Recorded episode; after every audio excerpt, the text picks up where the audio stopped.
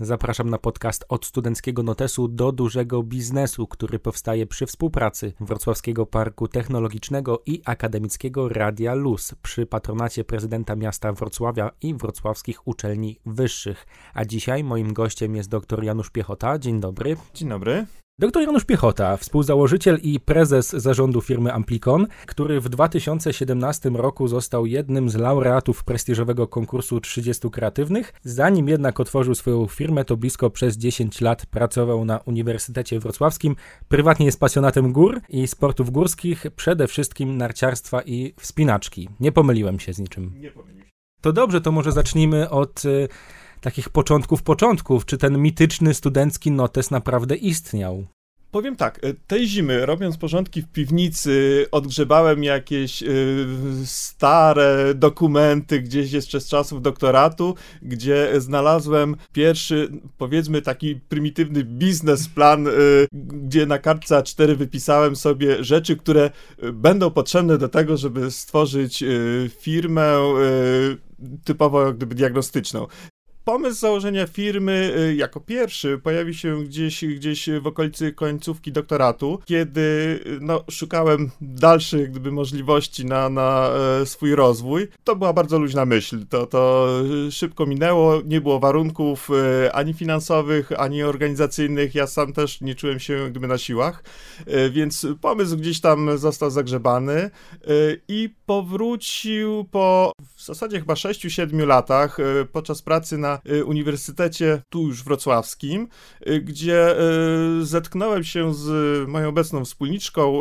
panią Małgorzatą Piskozub. Tak się złożyło, że w pewnym momencie trafiłem do tego samego, samego laboratorium, w którym Gosia pracowała i tak wspólnie snuliśmy jakieś tam plany na przyszłość, mniej lub bardziej zobowiązujące i pojawił się pomysł założenia firmy, czyli wyjście jakby poza, poza uczelnię na początku to były bardzo luźne plany, bardziej chyba marzenia, tak, co można byłoby zrobić, ale y, po takich gdyby rocznych dyskusjach, rozmowach ten pomysł stawał się coraz bardziej klarowny i w końcu doprowadziliśmy do momentu, w którym stwierdzimy, że tak, próbujemy założyć firmę biotechnologiczną. No i to zrobiliśmy. No właśnie doczytałem się, że już na studiach, na doktoracie był pan członkiem zespołu, który zajmował się m.in. ustalaniem podłoża molekularnego chorób genetycznych. Jak się pomylę, proszę mnie poprawić. I próbował pan stworzyć pierwsze testy diagnostyczne chorób genetycznych, czyli to jest takie już, jest z tego co rozumiem, nawiązanie tak, do y, Amplikonu, który y, powstał później. Jest to w jakiś sposób nawiązanie do Amplikonu. Tak naprawdę y, ogólnie DNA jako tematyką zacząłem się zajmować już y, na studiach. Już na drugim roku trafiłem do y, zespołu pani profesor Ewy Bartnik w ówczesnym Zakładzie Genetyki Uniwersytetu Warszawskiego, gdzie dosyć szybko zacząłem być włączany w różnego rodzaju projekty y, naukowe i związane jakby z diagnostyką. W tamtych czasach diagnostyka była, zwłaszcza molekularna, związana całkowicie z uczelniami. To, to mhm. była tak skomplikowana rzecz, że w zasadzie nie istniały, nie wiem, prywatne firmy, prywatne laboratoria, y, wszystko to się odbywało na, na, na uczelniach. I to jest coś, co mi się jakby bardzo spodobało, bo, bo ja ogólnie lubię y, pracować z DNA y, i, i pracować w tej tematyce, ale bardzo y, lubię, jeżeli to, co robię, ma jakiś aspekt aplikacyjny, czyli mhm okej, okay, pracowałem przez długi czas na uczelni, ale y, bardziej starałem się być y, osobą, która chce coś y, zrobić, co będzie jakby miało prze, przełożenie na coś praktycznego, a nie po prostu powstanie z tego publikacja, którą przeczyta kilkanaście czy kilkadziesiąt osób. No właśnie chciałem się zapytać, ponieważ przez blisko 10 lat pan pracował jako doktor na Uniwersytecie Wrocławskim. Czy te zajęcia ze studentami jeszcze przed założeniem firmy były z jednej strony nauką dla nich, ale czy nauką też dla pana? Myślę, że jeżeli ktoś y, poważnie traktuje dydaktykę na uczelni, y, to y, zajęcia mogą być inspiracją i dla jednej, i dla drugiej strony. Ja też podczas tych zajęć i, i rozmów ze studentami, jakichś uwag, też czerpałem jakieś pomysły, czy, czy nawet związane z tym, jak udoskonalić te zajęcia, ewentualnie czasami, nie wiem, jak ciekawy eksperyment przeprowadzić, czasami coś mi uzmysławiało, jakieś stwierdzenie, które gdzieś tam student rzucił, także tak, to jest coś, co było również korzystne dla mnie, ale przede wszystkim starałem się, żeby jak najwięcej wiedzy, którą posiadam, przekazać e, studentom. No i po dobrych kilku, prawie że kilkudziesięciu latach yy, pojawia się nagle myśl, że te kolokwia i zajęcia ze studentami są fajne, ale coś nowego chciałoby się tworzyć. E, no i decyduje się pan na to, żeby założyć firmę. To było dojrzewanie do, do pewnej decyzji, które trwało w zasadzie kilka lat, podczas których widziałem, że to, w jaki sposób podąża moja kariera e, na uczelni i to, co robię, coraz bardziej rozmija się z tym, co chciałbym robić. E, na uczelni nie potrafiłem znaleźć e, takiej ścieżki, która by mnie doprowadziła do, do tego, co, co właśnie mnie najbardziej pasjonowało. Stąd myśli najpierw luźne, później coraz poważniejsze o tym, żeby jednak spróbować czegoś poza uczelnią. No i nadchodzi 2014 rok i chciałem się zapytać, jak Wrocławski Park Technologiczny pomógł założyć tą firmę? To, że trafiliśmy do parku jest tak naprawdę w jakiś sposób dziełem przypadku. Otóż e, jak e, stworzyliśmy e, parę pomysłów na biznes, to oczywiście zastanawialiśmy, który byłby najlepszy, który najbardziej perspektywistyczny, który ma szansę w ogóle powodzenia i szukaliśmy też możliwości. Najbardziej rzeczywiście nas pasjonował ten temat diagnostyki, już nie typowo jako laboratorium diagnostycznego, tylko po prostu jako firmy produkującej odczynniki dla innych laboratoriów laboratoriów. No ale to się wiązało z wieloma e, wyzwaniami. Potrzebowaliśmy e, pieniędzy, bo to są drogie rzeczy, potrzebowaliśmy profesjonalnego laboratorium e, i czegoś takiego do końca nie widzieliśmy. Przypadkowo trafiliśmy y, z Gosią na y, konferencję, która była organizowana przez y, Uniwersytet bodajże Przyrodniczy, na której pokazywano kilka przykładów naukowców, którzy swoje pomysły, wynalazki stworzone na uczelni przekuli w biznes. I Również na tej konferencji była krótka prezentacja osoby związanej z parkiem, już w tej chwili nawet nie pamiętam, kto to dokładnie był, która zaprezentowała nam właśnie właśnie możliwości parku technologicznego, że jest inkubator, że pomaga, że, że są tam laboratoria, z których można skorzystać.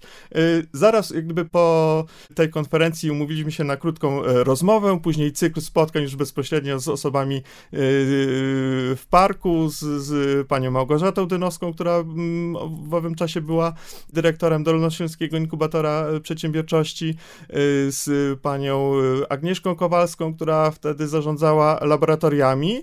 I te spotkania gdyby doprowadziły nas do sytuacji, gdy stwierdzimy, że tak, ten pomysł rzeczywiście ma szansę jak gdyby powodzenia i, i warto spróbować. I tak naprawdę prace toczyły się i rozmowy praktycznie rok, y, ale, ale w końcu doprowadziły do, do, do założenia firmy. Dosyć długo jak rok. Tak, to są rzeczy, y, może inaczej.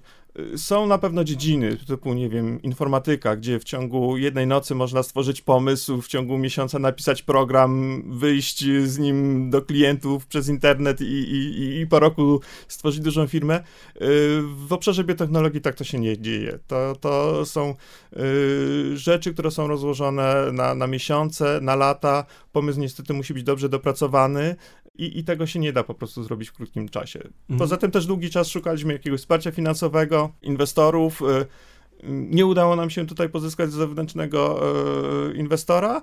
E, stwierdzimy, że zaryzykujemy nasze własne pieniądze, nieduże. Odważnie. Tak, ale, ale stwierdziliśmy, że wolimy umrzeć próbując, pole spróbując, niż, niż po prostu nie spróbować. Na co mogliście liczyć e, od inkubatora przedsiębiorczości? Jak on wam e, pomógł? Bo rozumiem, że to był e, tylko krótki okres czasu, kiedy ten inkubator jakby pomaga w zakładaniu firmy, a później wypuszcza już taką tak. gotową firmę e, na rynek. Yy, standardowy czas inkubacji to jest dwa lata z możliwością przedłużenia do trzech lat. My z tej możliwości skorzystaliśmy yy, i znowu to była typowa yy, droga firm typowo jak gdyby laboratoryjnych. Znowu dwa lata na rozwój firmy opartej o laboratorium to rzeczywiście jest zbyt mało, żeby taka firma mogła się usamodzielnić. W tej chwili się rozmawia, że nawet te trzy lata to, to, to często jest za mało. Nam akurat się udało. To, y, co nam umożliwił y, inkubator, to przede wszystkim y, rozpoczęcie działalności z bardzo małymi nakładami finansowymi. Zaczynaliśmy od jednego biurka w Open Space, za który płaciliśmy 50 zł miesięcznie. Mieliśmy dostęp do laboratorium, mm, do blatu dosłownie o 5 metrach długości, za który też płaciliśmy paręset złotych. W związku z tym nie musieliśmy inwestować dużych pieniędzy. De facto dużo dostawaliśmy w ramach pomocy de, de, de minimis, który zapewniał nam właśnie e, inkubator e, i wraz z rozwojem firmy mogliśmy e, zwiększać i dostęp do, do, do urządzeń.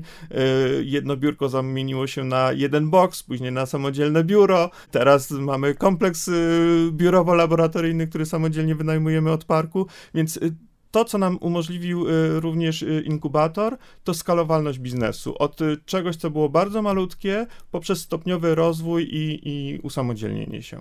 I dlatego zostaliście w parku technologicznym na dłużej. Tak, zostaliśmy na dłużej. Teraz już minęło 7 lat od istnienia firmy, znaczy zaczął się siódmy rok. Natomiast Ciągle jesteśmy w parku. Myślę, że jeszcze trochę w nim e, pobędziemy. Nie znam przyszłości, więc, więc nie wiem, jak to będzie wyglądać. E, ale to jest miejsce, które rzeczywiście e, sprzyja rozwojowi firm różnego typu, ale, ale szczególnie firm opartych o właśnie ten aspekt laboratoryjny, dlatego że tutaj akurat oferta parku pod tym względem jest no, dosyć bogata, chyba najlepsza w Polsce. Przeanalizowaliśmy sobie tak naprawdę całą drogę od, może nie no testu, ale tej kartki A4, o której rozmawialiśmy na początku początek, aż po inkubację firmy Amplicon.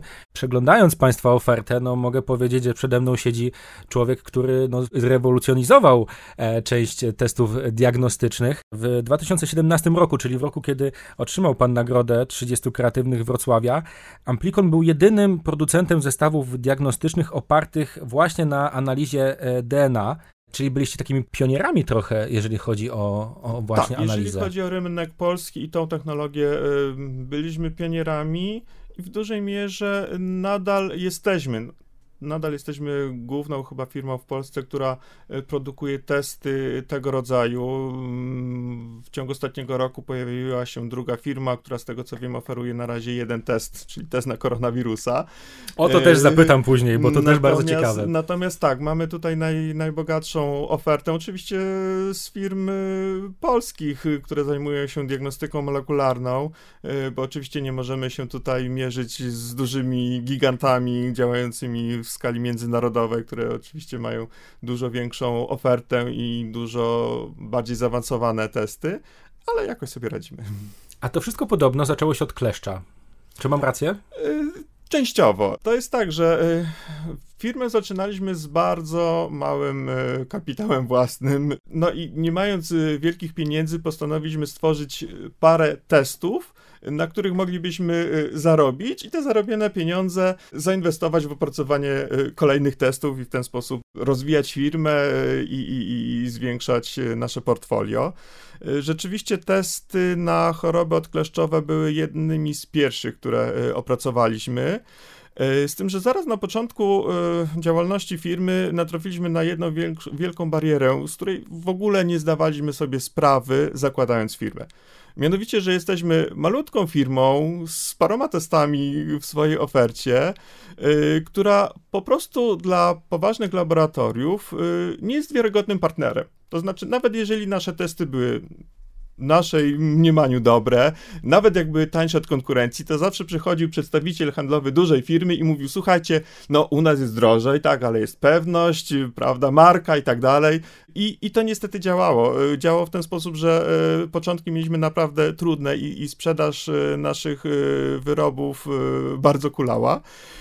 W związku z tym yy, musieliśmy dokonać czegoś, co się fachowo nazywa pivotowanie, czyli po prostu chwilowo się przebranżowić. Yy, stwierdziliśmy, że spróbujemy, skoro inne laboratoria yy, nie chcą kupować naszych testów, to my, my może spróbujemy opracować jakieś usługi w oparciu o te testy, dla których będziemy szukać bezpośrednich klientów.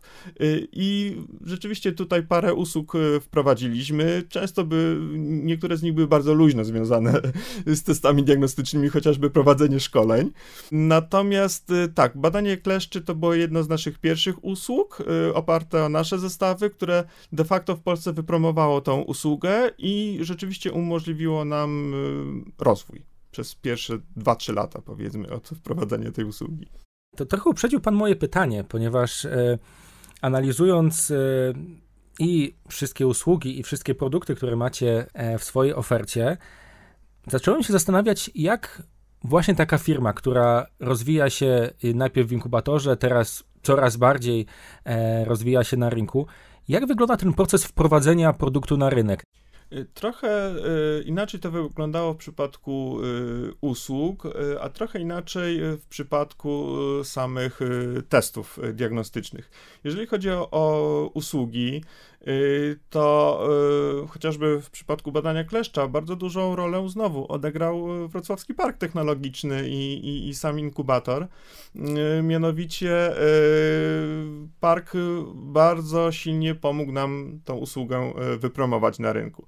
Dzięki parkowi mieliśmy dostęp do, do mediów, do, do prasy, do, do, do telewizji, również do radia, gdzie tą usługę mogliśmy wypromować, co nam no, bardzo ułatwiło rozwój. Jeżeli chodzi o usługi typowo kierowane do uczelni, no to tu, tu po prostu był typowy marketing skierowany jakby na, na, na uczelnię, typowe, że się tak wyrażę, spamowanie mailami z naszą ofertą. Natomiast zupełnie inną drogą poszliśmy y, w przypadku zestawów diagnostycznych. To znaczy, na początku sobie to wyobrażaliśmy w ten sposób, że ok, stworzymy sobie jakieś tam zestawy, będziemy je oferować klientom, czyli laboratorium, ale to nie wypaliło, dlatego że często na rynku podobne rozwiązania już były. Y, też laboratoria, jak się przyzwyczaiły do określonych dostawców, niekoniecznie chciały je zmieniać. Więc y, myślę, że gdybyśmy dalej kontynuowali y, tego typu współpracę, to, to pewnie Amplikonu by nie było. Poszliśmy troszkę w inną stronę. Zaczęliśmy szukać laboratoriów, które świeżo powstały albo wprowadzały nowe techniki czy nowe badania, ale na rynku nie znajdowały testów, które były im potrzebne, czyli po prostu testów, które inne firmy były w stanie jak gdyby zaoferować, więc wprowadziliśmy coś, co roboczo nazwaliśmy testem jak gdyby na życzenie, czyli jeżeli jakaś firma, laboratorium się do nas zgłaszało z zapytaniem, czy my jesteśmy w stanie taki test opracować, bo test, nie wiem, innej firmy jest y, bardzo drogi, albo nie spełnia oczekiwań, albo po prostu go nie ma, no to my robiliśmy analizę i sprawdzaliśmy, czy możemy taki test opracować, czy nie. Na ogół stwierdzaliśmy, że jesteśmy w stanie opracować, opracowywaliśmy i wprowadzaliśmy na na rynek i w tym momencie mieliśmy zupełnie inny y, sposób pozyskiwania klienta. Tak naprawdę klienci do nas y, przychodzili i nadal przychodzą y, z, z pytaniem, słuchajcie, czy jesteście w stanie zrobić taki, a nie inny test, bo ja go potrzebuję. I to jest nasz podstawowy model działania, który funkcjonuje w zasadzie w niezmienionej postaci. To odważne też, bo no, czasami zdarzyło się, że jednak y, testu nie dało się opracować. Tak, czy... mieliśmy takie tak? przypadki. Rzeczywiście pa, parokrotnie musieliśmy zrezygnować z opracowania testu. Oczywiście y, ryzyko nieopracowania, czyli poniesionych kosztów, braliśmy na siebie, bo to tylko w ten sposób mogło zadziałać. Ale tutaj te y, w cudzysłowie wpadki czy niepowodzenia były całkowicie rekompensowane przez udane projekty, które mm, no, na tyle duże zyski, że moglibyśmy opracować kolejne testy, y, no i w jakiś sposób finansować te nieudane projekty.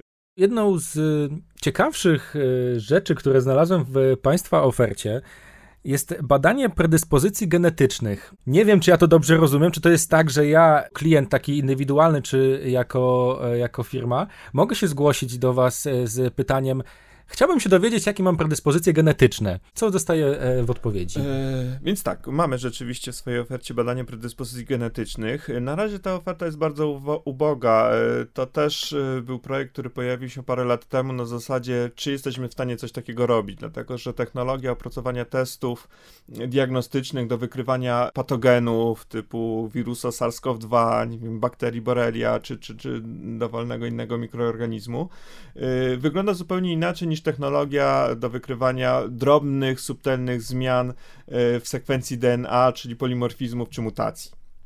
Więc chcieliśmy na początku spróbować, czy, czy jesteśmy w stanie to robić. E, stwierdzimy, że jesteśmy. E, próbnie opracowaliśmy kilka testów na predyspozycje głównie pokarmowe, czyli test na celiakię, nietolerancja yy, laktozy, metabolizm kofeiny. To są yy, powiedzmy w miarę drobne sprawy, które te, takie nasze poletko y, testowe. Y, później y, zajęliśmy się czymś bardziej ambitnym, czyli opracowaliśmy 7 testów na predyspozycje w kierunku chorób nowotworowych. Tu chodzi o mutacje w genach BRCA1, BRCA2, które są odpowiedzialne za zwiększone ryzyko zachorowania na raka piersi i, i jajnika. Też nam się udało, w związku z tym mniej więcej półtora roku temu padliśmy na pomysł, żeby stworzyć coś jeszcze bardziej ambitnego i w tej chwili y, wraz z Uniwersytetem Medycznym y, realizujemy dosyć y, ambitny projekt takiego testu panelowego, który zakłada analizę ponad 40 polimorfizmów, które są związane z ryzykiem zachorowania na chorobę otępienną, głównie chorobę Alzheimera i również są związane z metabolizmem leków, które się stosuje w leczeniu tej choroby. Idea jest taka, żeby po pierwsze sprawdzić, czy dana osoba typu Kowalski, który przychodzi do nas mm, i chce się jakby przebadać, ma zwiększone ryzyko zachorowania na, na, na chorobę Alzheimera. Jeżeli się pojawi osoba, której już zdiagnozowano tą chorobę i wymaga leczenia, to żeby lekarz mógł stwierdzić, która z kilku dostępnych w chwili terapii będzie dla danej osoby najbardziej korzystna. I to jest, to jest idea jak gdyby takiego e, testu. Projekt się rozpoczął e, pół roku e, temu. Zakończy się mniej więcej za dwa lata, więc projekt to już jest rzeczywiście ambitny, ale mam nadzieję, że, że uda się z tego uzyskać fajny produkt, który w przyszłości będzie, będzie służył tutaj również Polakom i przede wszystkim lekarzom w diagnozie dosyć, dosyć istotnego schorzenia tak naprawdę w obecnych czasach. Taką trochę instrukcję robicie na bazie DNA, instrukcję człowieka co, co można z nim zrobić, żeby było lepiej. Troszkę tak, znaczy to, to jest y, bardziej, y, nie powiem, że wróżenie z fusów, ale y, próbowanie wyciągnięcia wniosków na temat profilu genetycznego danej jakby osoby, bo oczywiście są zmiany w DNA, które jeżeli się pojawią, to z góry można powiedzieć, ok, dana osoba zachoruje na to albo na coś innego. Natomiast wiele zmian w naszym DNA to są zmiany bardzo subtelne, które nie wiążą się bezpośrednio z daną chorobą, ale zwiększają ryzyko jej wystąpienia.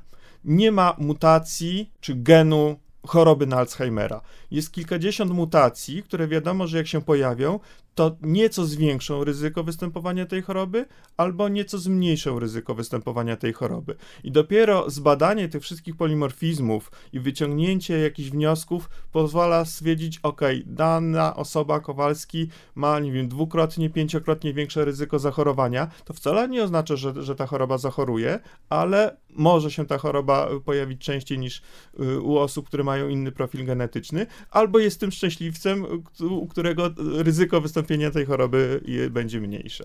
Test, o którym właśnie rozmawiamy, będzie oparty o technikę real-time e, PCR. E, stwierdzenie PCR ostatnio bardzo popularne jest e, w całej opinii publicznej, ale chciałbym się właśnie dopytać i o tą samą formę testu, która, która ma być opracowana, ale też czy ten test jest bardzo inwazyjny, jeżeli chodzi o, o samego człowieka i czy jest trudny później do przeanalizowania? Test z założenia y, zupełnie będzie bezinwazyjny, to znaczy y, technologia y, real-time PCR jest na tyle czuła, że tak naprawdę do badania genetycznego wymaga pobrania wymazu z policzka, czyli standardowo, jeżeli mamy właśnie w naszej ofercie usługi badania predyspozycji genetycznych, klient zamawia usługę przez naszą stronę internetową, my wysyłamy klientowi po prostu wymazówkę, klient sobie sam pobiera wymaz, to jest naprawdę bardzo prosta procedura, odsyła nam i po paru dniach y, otrzymuje y, wynik. Także badanie zupełnie inwazyjne to jest główna zaleta y, tego typu badań, ze względu na to, że to jest bardzo czuła technika.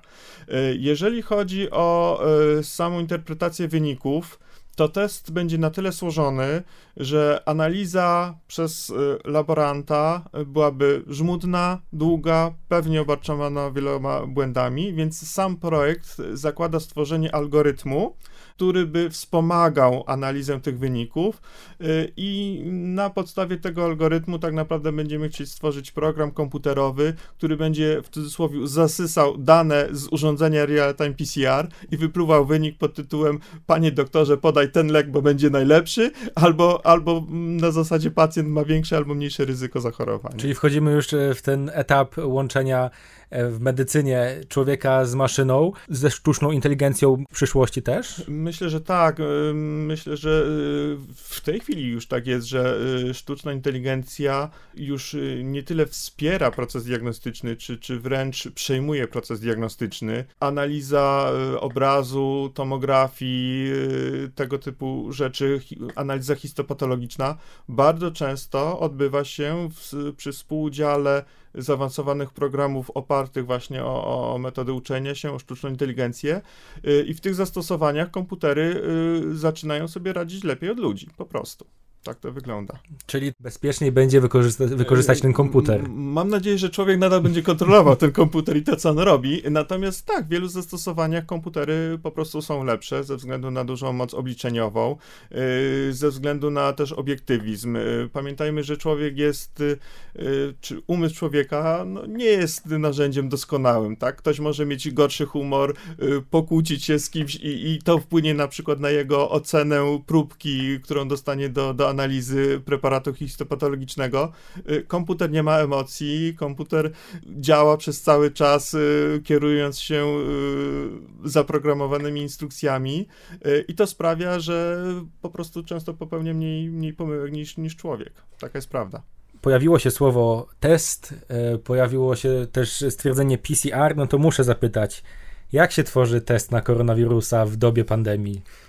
Tak samo jak każdy inny test, y, który mamy w swojej ofercie, czyli tak naprawdę y, zawsze zaczynamy od analizy bioinformatycznej, tak? Pierwsza rzecz to znalezienie dobrego celu molekularnego, czyli fragmentu DNA, akurat w przypadku koronawirusa fragmentu RNA, dlatego że jest to wirus RNA, y, który byłby dobrym fragmentem pod kątem diagnostycznym, czyli był unikalny, nie występował w innych patogenach, żebyśmy po prostu wiedzieli, że to jest koronawirus SARS-CoV-2A, a nie inny patogen, typu na przykład grypa, to po pierwsze, a po drugie powinien być na tyle konserwowany, y, żeby nie ulegał mutacjom, czyli znowu, żebyśmy byli pewni, że jak wirus zmutuje, to nadal go wykryjemy. W tej chwili y, myślę, że, że już wiele osób słyszało o odmianie indyjskiej, brytyjskiej, brazylijskiej czy południowoafrykańskiej koronawirusa.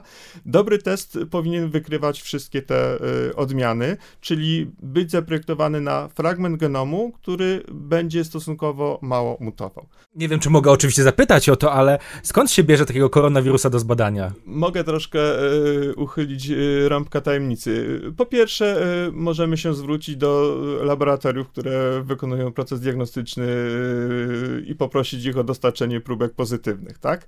Natomiast bardzo często wykorzystujemy nie tyle wirusa czy, czy inny patogen, tylko fragmenty DNA, które w tej chwili można otrzymać po prostu w próbówce. Czyli można fragment wirusa po prostu sobie syntetyzować w próbówce i wykorzystać go y, do badań, w tym opracowania testu diagnostycznego.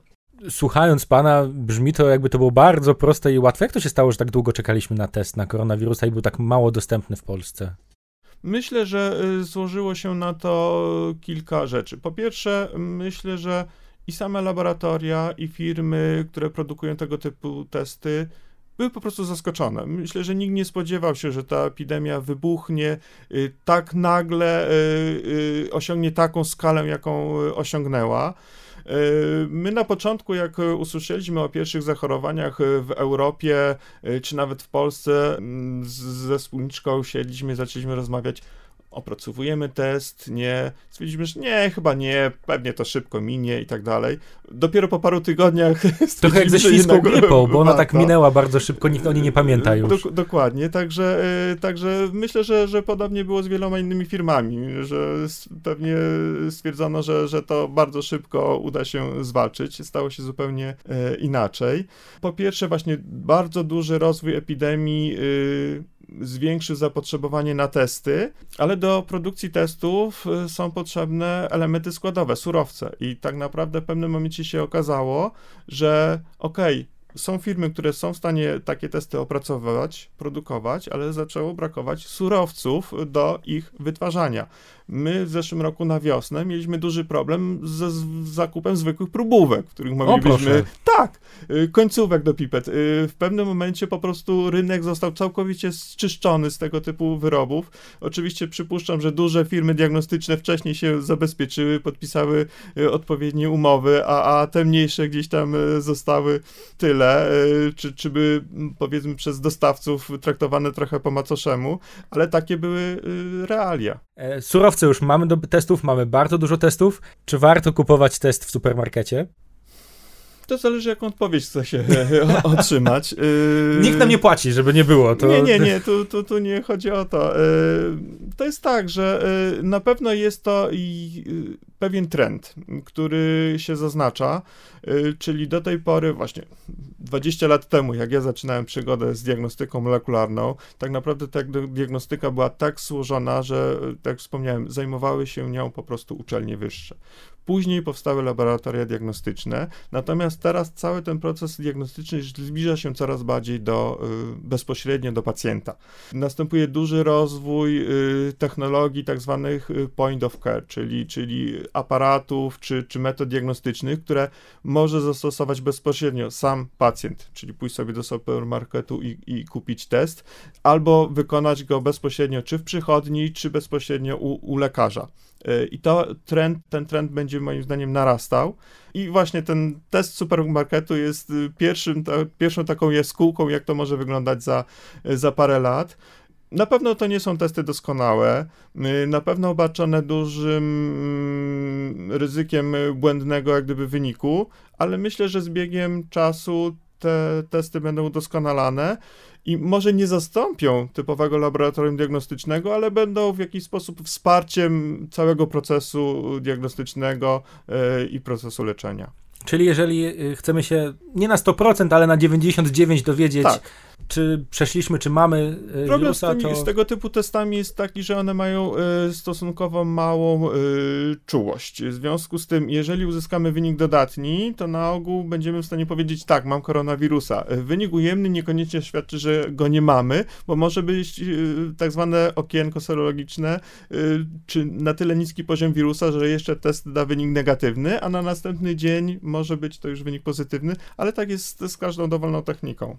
Czyli w razie czego idziemy do laboratorium diagnostycznego, jeżeli chcemy być pewni tego. Jeżeli chcemy być e, pewni, e, to tak. Jeżeli chcemy mieć jakąś wstępną informację, e, to myślę, że taki test można, można kupić, aczkolwiek pewnie do wyniku się mocno nie przywiązywać, czyli jeżeli rzeczywiście jakieś, nawet jeżeli test da wynik ujemny, ale objawy się będą utrzymywać albo nasilać, to nie należy po prostu czekać, aż, aż wyzdrowiemy sami, tylko jednak udać się do lekarza i skonsultować z nim nasze, nasz stan zdrowia.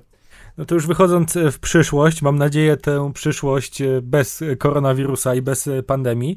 E, jaki największy cel obecnie, jako i prezes e, zarządu firmy Amplicon, ale też jako biotechnolog obiera pan e, w tym momencie? No na pewno chcielibyśmy dalej rozwijać yy, naszą firmę, sprawić, że za parę lat ona będzie miała dużo większy udział w rynku niż, niż ma obecnie. Oczywiście chcemy to zrealizować y, poprzez yy, realizację kilku mniejszych yy, celów. Chcemy y, opracować y, więcej testów typowo przeznaczonych na rynek medyczny.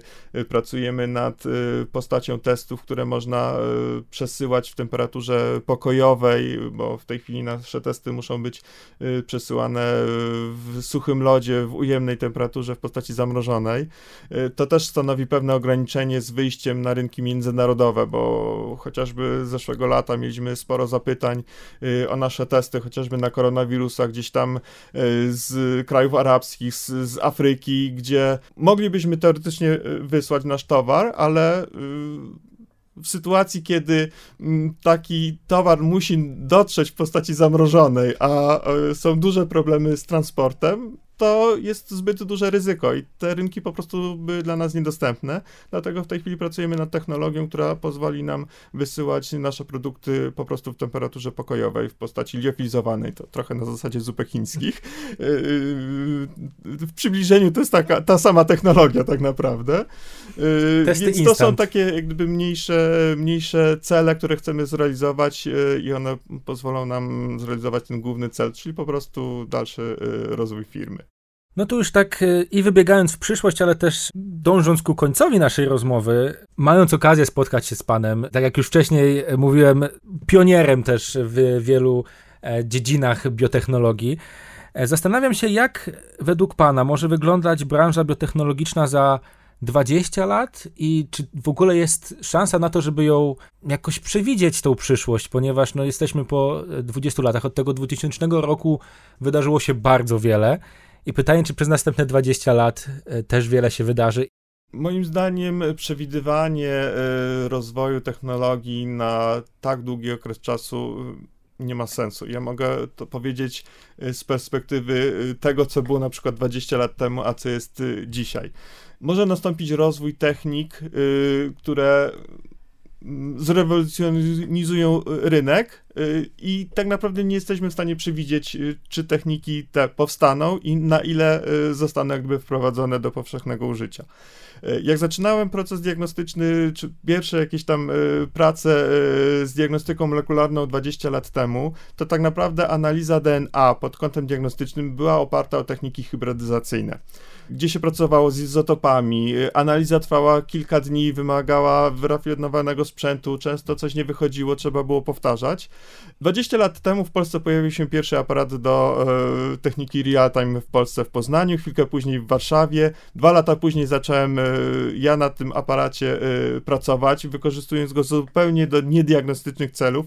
Wtedy nie miałem najmniejszego pojęcia, że za 20 lat to będzie główne narzędzie diagnostyczne w Polsce, a ja będę miał firmę, która będzie produkować testy na to urządzenie. E, więc nie da się przewidzieć rozwoju technologii i która technologia po prostu zawojuje rynek, okaże się na tyle użyteczna, żeby stać się jak gdyby powszechną techniką. E, to jest jedna rzecz. Druga rzecz, e, nawet jak powstanie technika jest znana na przykład w tej chwili, to wcale nie oznacza i pokładane są duże nadzieje w tej technice, to wcale nie oznacza, że ona rzeczywiście te nadzieje spełni. Ja pamiętam też w okolicach 20 y, lat wstecz y, wszyscy się ekscytowali klonowaniem, y, pierwszym sklonowaniem owieczki doli. Wizjonerzy mówili, że za 20 lat to na pastwiskach będą się pasły klony krów wysokomlecznych i tak dalej. Nic takiego się nie stało. Jak powstawały pierwsze publikacje dotyczące dotyczące terapii genowej yy, mówiono, że na życzenie będziemy zmieniać swoją sekwencję DNA, że choroby genetyczne przestaną być jakimkolwiek problemem. Nic takiego się nie stało. Niestety te technologie y, nie spełniły oczekiwań. To nie znaczy, że nie ma y, zastosowań terapii genowych, ale to nie jest na tak powszechną skalę, jak kiedyś myślano. Więc nie da się przewidzieć przyszłości. Można przewidzieć trendy na najbliższe y, kilka lat. To, co ja widzę, to rzeczywiście coraz większe wkraczanie biologii molekularnej, biotechnologii w życie przeciętnego człowieka, tak? Czyli rozwój diagnostyki molekularnej, zbliżanie się tej diagnostyki do pacjenta, chociażby w postaci testów, które można będzie kupić w supermarkecie, Parę lat temu testy do samodzielnego zastosowania oparte o techniki biologii molekularnej to był test ciążowy, który się mhm. kupowało w aptece. Mhm. Y, nikt nie przewidział, że za parę lat y, później można będzie kupić podobny test po prostu w przysłowiowej Biedronce. Y, więc na pewno rozwój urządzeń typu point of care, na pewno automatyzacja czy wkraczanie coraz większej automatyzacji w proces diagnostyczny oparty o techniki biologii molekularnej. W zasadzie parę lat temu całość procesu diagnostycznego odbywała się przy udziale człowieka, czyli człowiek był odpowiedzialny za pobranie materiału, izolację DNA, wykonanie reakcji real-time, przeanalizowanie wyniku, sporządzenie wyniku, wysłanie do pacjenta. W tej chwili w dużych sieciach diagnostycznych udział człowieka sprowadza się do tego, że wsypuje do pojemnika kolejne próbki. Cała reszta jest całkowicie zautomatyzowana e, i my w tej chwili też jako firma coraz częściej myślimy o zakupie, nie wiem, robota do izolacji, robota do pipetowania, czyli za, za pewnie za 2-3 lata nie będziemy potrzebować, nie wiem, zręcznego laboranta, tylko kogoś, kto obsłuży nam aparat, prawda? Czyli tak czysto technicznie będzie, będzie robot, a e, czysto merytorycznie tak, da, człowiek... Będzie, będzie e, potrzebny człowiek, który e, w naszym przypadku, bo akurat nasza firma jest o tyle specyficzna, że my potrzebujemy kogoś, kto bardzo dobrze zna tą technikę, żeby opracować test. Natomiast zupełnie inaczej wygląda w firmie diagnostycznej, która ten test stosuje, tak? To jest po prostu proces y, zautomatyzowanych czynności, które mają y, dać y, taką, a nie inną odpowiedź. Więc w typowych laboratoriach na pewno będzie następowała coraz większa automatyzacja. Myślę, że przejmowanie procesu diagnostycznego w coraz większym stopniu przez, przez komputery, przez sztuczną inteligencję. Więc to jest trend, który na pewno już w tej chwili istnieje i na pewno się będzie pogłębiał. Pewnie w ciągu kilku, kilkunastu lat. Do jakiego momentu nas to doprowadzi, tego nie jesteśmy w stanie przewidzieć. Tak słuchając pana doktora, zacząłem się zastanawiać, że chyba nie zdajemy sobie sprawy, jak, jak dużą e, wartość dla naszego życia i jak wiele rzeczy związanych z, z biotechnologią obecnie nas otacza i e, jak wiele działalności e, biotechnologów tak naprawdę ułatwia nam życie. Tak, biotechnologia to jest proszek do prania, to jest ser żółty, kupujemy, który kupujemy w sklepie, yy, który powstał w wyniku procesu ścinania y, mleka yy, pod puszczką yy, już y, otrzymaną często... Już się wystraszyłem, że w próbówce. Y, też takie mogą być. Tak, już gdzieś tam ostatnio czytałem, że w Holandii można kupić kotlet, który został całkowicie wyhodowany gdzieś tam na szalce. Więc tak, ta biotechnologia coraz bardziej w wkracza w nasze życie y, i często sobie po prostu z tego nie zdajemy sprawy. No to już na sam koniec. Ostatnie pytanie, ponieważ też spotkaliśmy się tutaj, e, żeby trochę zachęcić, zainspirować młodych e, ludzi do tego, aby podejmowali takie wyzwania, jakie e, pan podejmował, przede wszystkim zakładając Amplikon w Dolnośląskim Akademickim Inkubatorze Przedsiębiorczości. Jaką najważniejszą taką radę dałby pan teraz tym studentom, którzy ten notes, tą kartkę A4 właśnie mają i pierwsze pomysły na to, co zrobić po studiach i jak założyć własną firmę. Jak to, w którą stronę to pociągnąć? Ojejku. Yy... Nie lubię dawać y, rad osobom, których nie znam. To po pierwsze, dlatego że rada, y, którą można udzielić, w przypadku jednej osoby się sprawdzi, inną osobę doprowadzi do katastrofy. To, co y, mogę powiedzieć z własnego doświadczenia, to jeżeli, że ktoś ma pomysł i ten pomysł gdzieś kołacze mu w głowie, nie daje spokoju przysłowiowego, to powinien spróbować go zrealizować. Oczywiście trzeba go odpowiednio przemyśleć, ubrać w odpowiednią strukturę natomiast tak, myślę, że jak ktoś ma ciekawy pomysł, to, to powinien y, odważyć się mm, spróbować założyć firmę. To w tej chwili nie jest y, jakoś szczególnie skomplikowane. To po pierwsze. Po drugie, jeżeli pomysł nie wypali, to nie powinien się ani załamywać, ani tym szczególnie przejmować. Niestety tak jest, że większość firm upada w ciągu najbliższych dwóch lat, to jest mniej więcej 90% firm, z różnych powodów. Bo pomysł akurat nie trafił na rynek, bo coś poszło nie tak, y, bo brakło pieniędzy, albo ktoś podjął niewłaściwą decyzję. Nawet firma Amplicon miała takie momenty, że już stwierdziliśmy, że, że pewnie w następnym miesiącu ją zamkniemy i nagle się coś y, takiego przydarzało, że stwierdziliśmy, że, że jednak warto to ciągnąć dalej. Także zwroty akcji bywają, nawet jeżeli coś nie wyjdzie, to, to będzie to cenne doświadczenie na przyszłość, a nie należy tego traktować po prostu jakąś, nie wiem, życiową porażkę. Czyli próbujmy po prostu. Dokładnie. Moim gościem był dr Janusz Piechota, współzałożyciel firmy Amplicon. Dziękuję pięknie. Dziękuję. A ja nazywam się Maciej Chruściak i już zapraszam na kolejne odcinki podcastu od studenckiego notesu do dużego biznesu. Kolejne rozmowy pojawiać się będą na stronie internetowej Akademickiego Radia Luz oraz kanałach Spotify i YouTube Wrocławskiego Parku Technologicznego.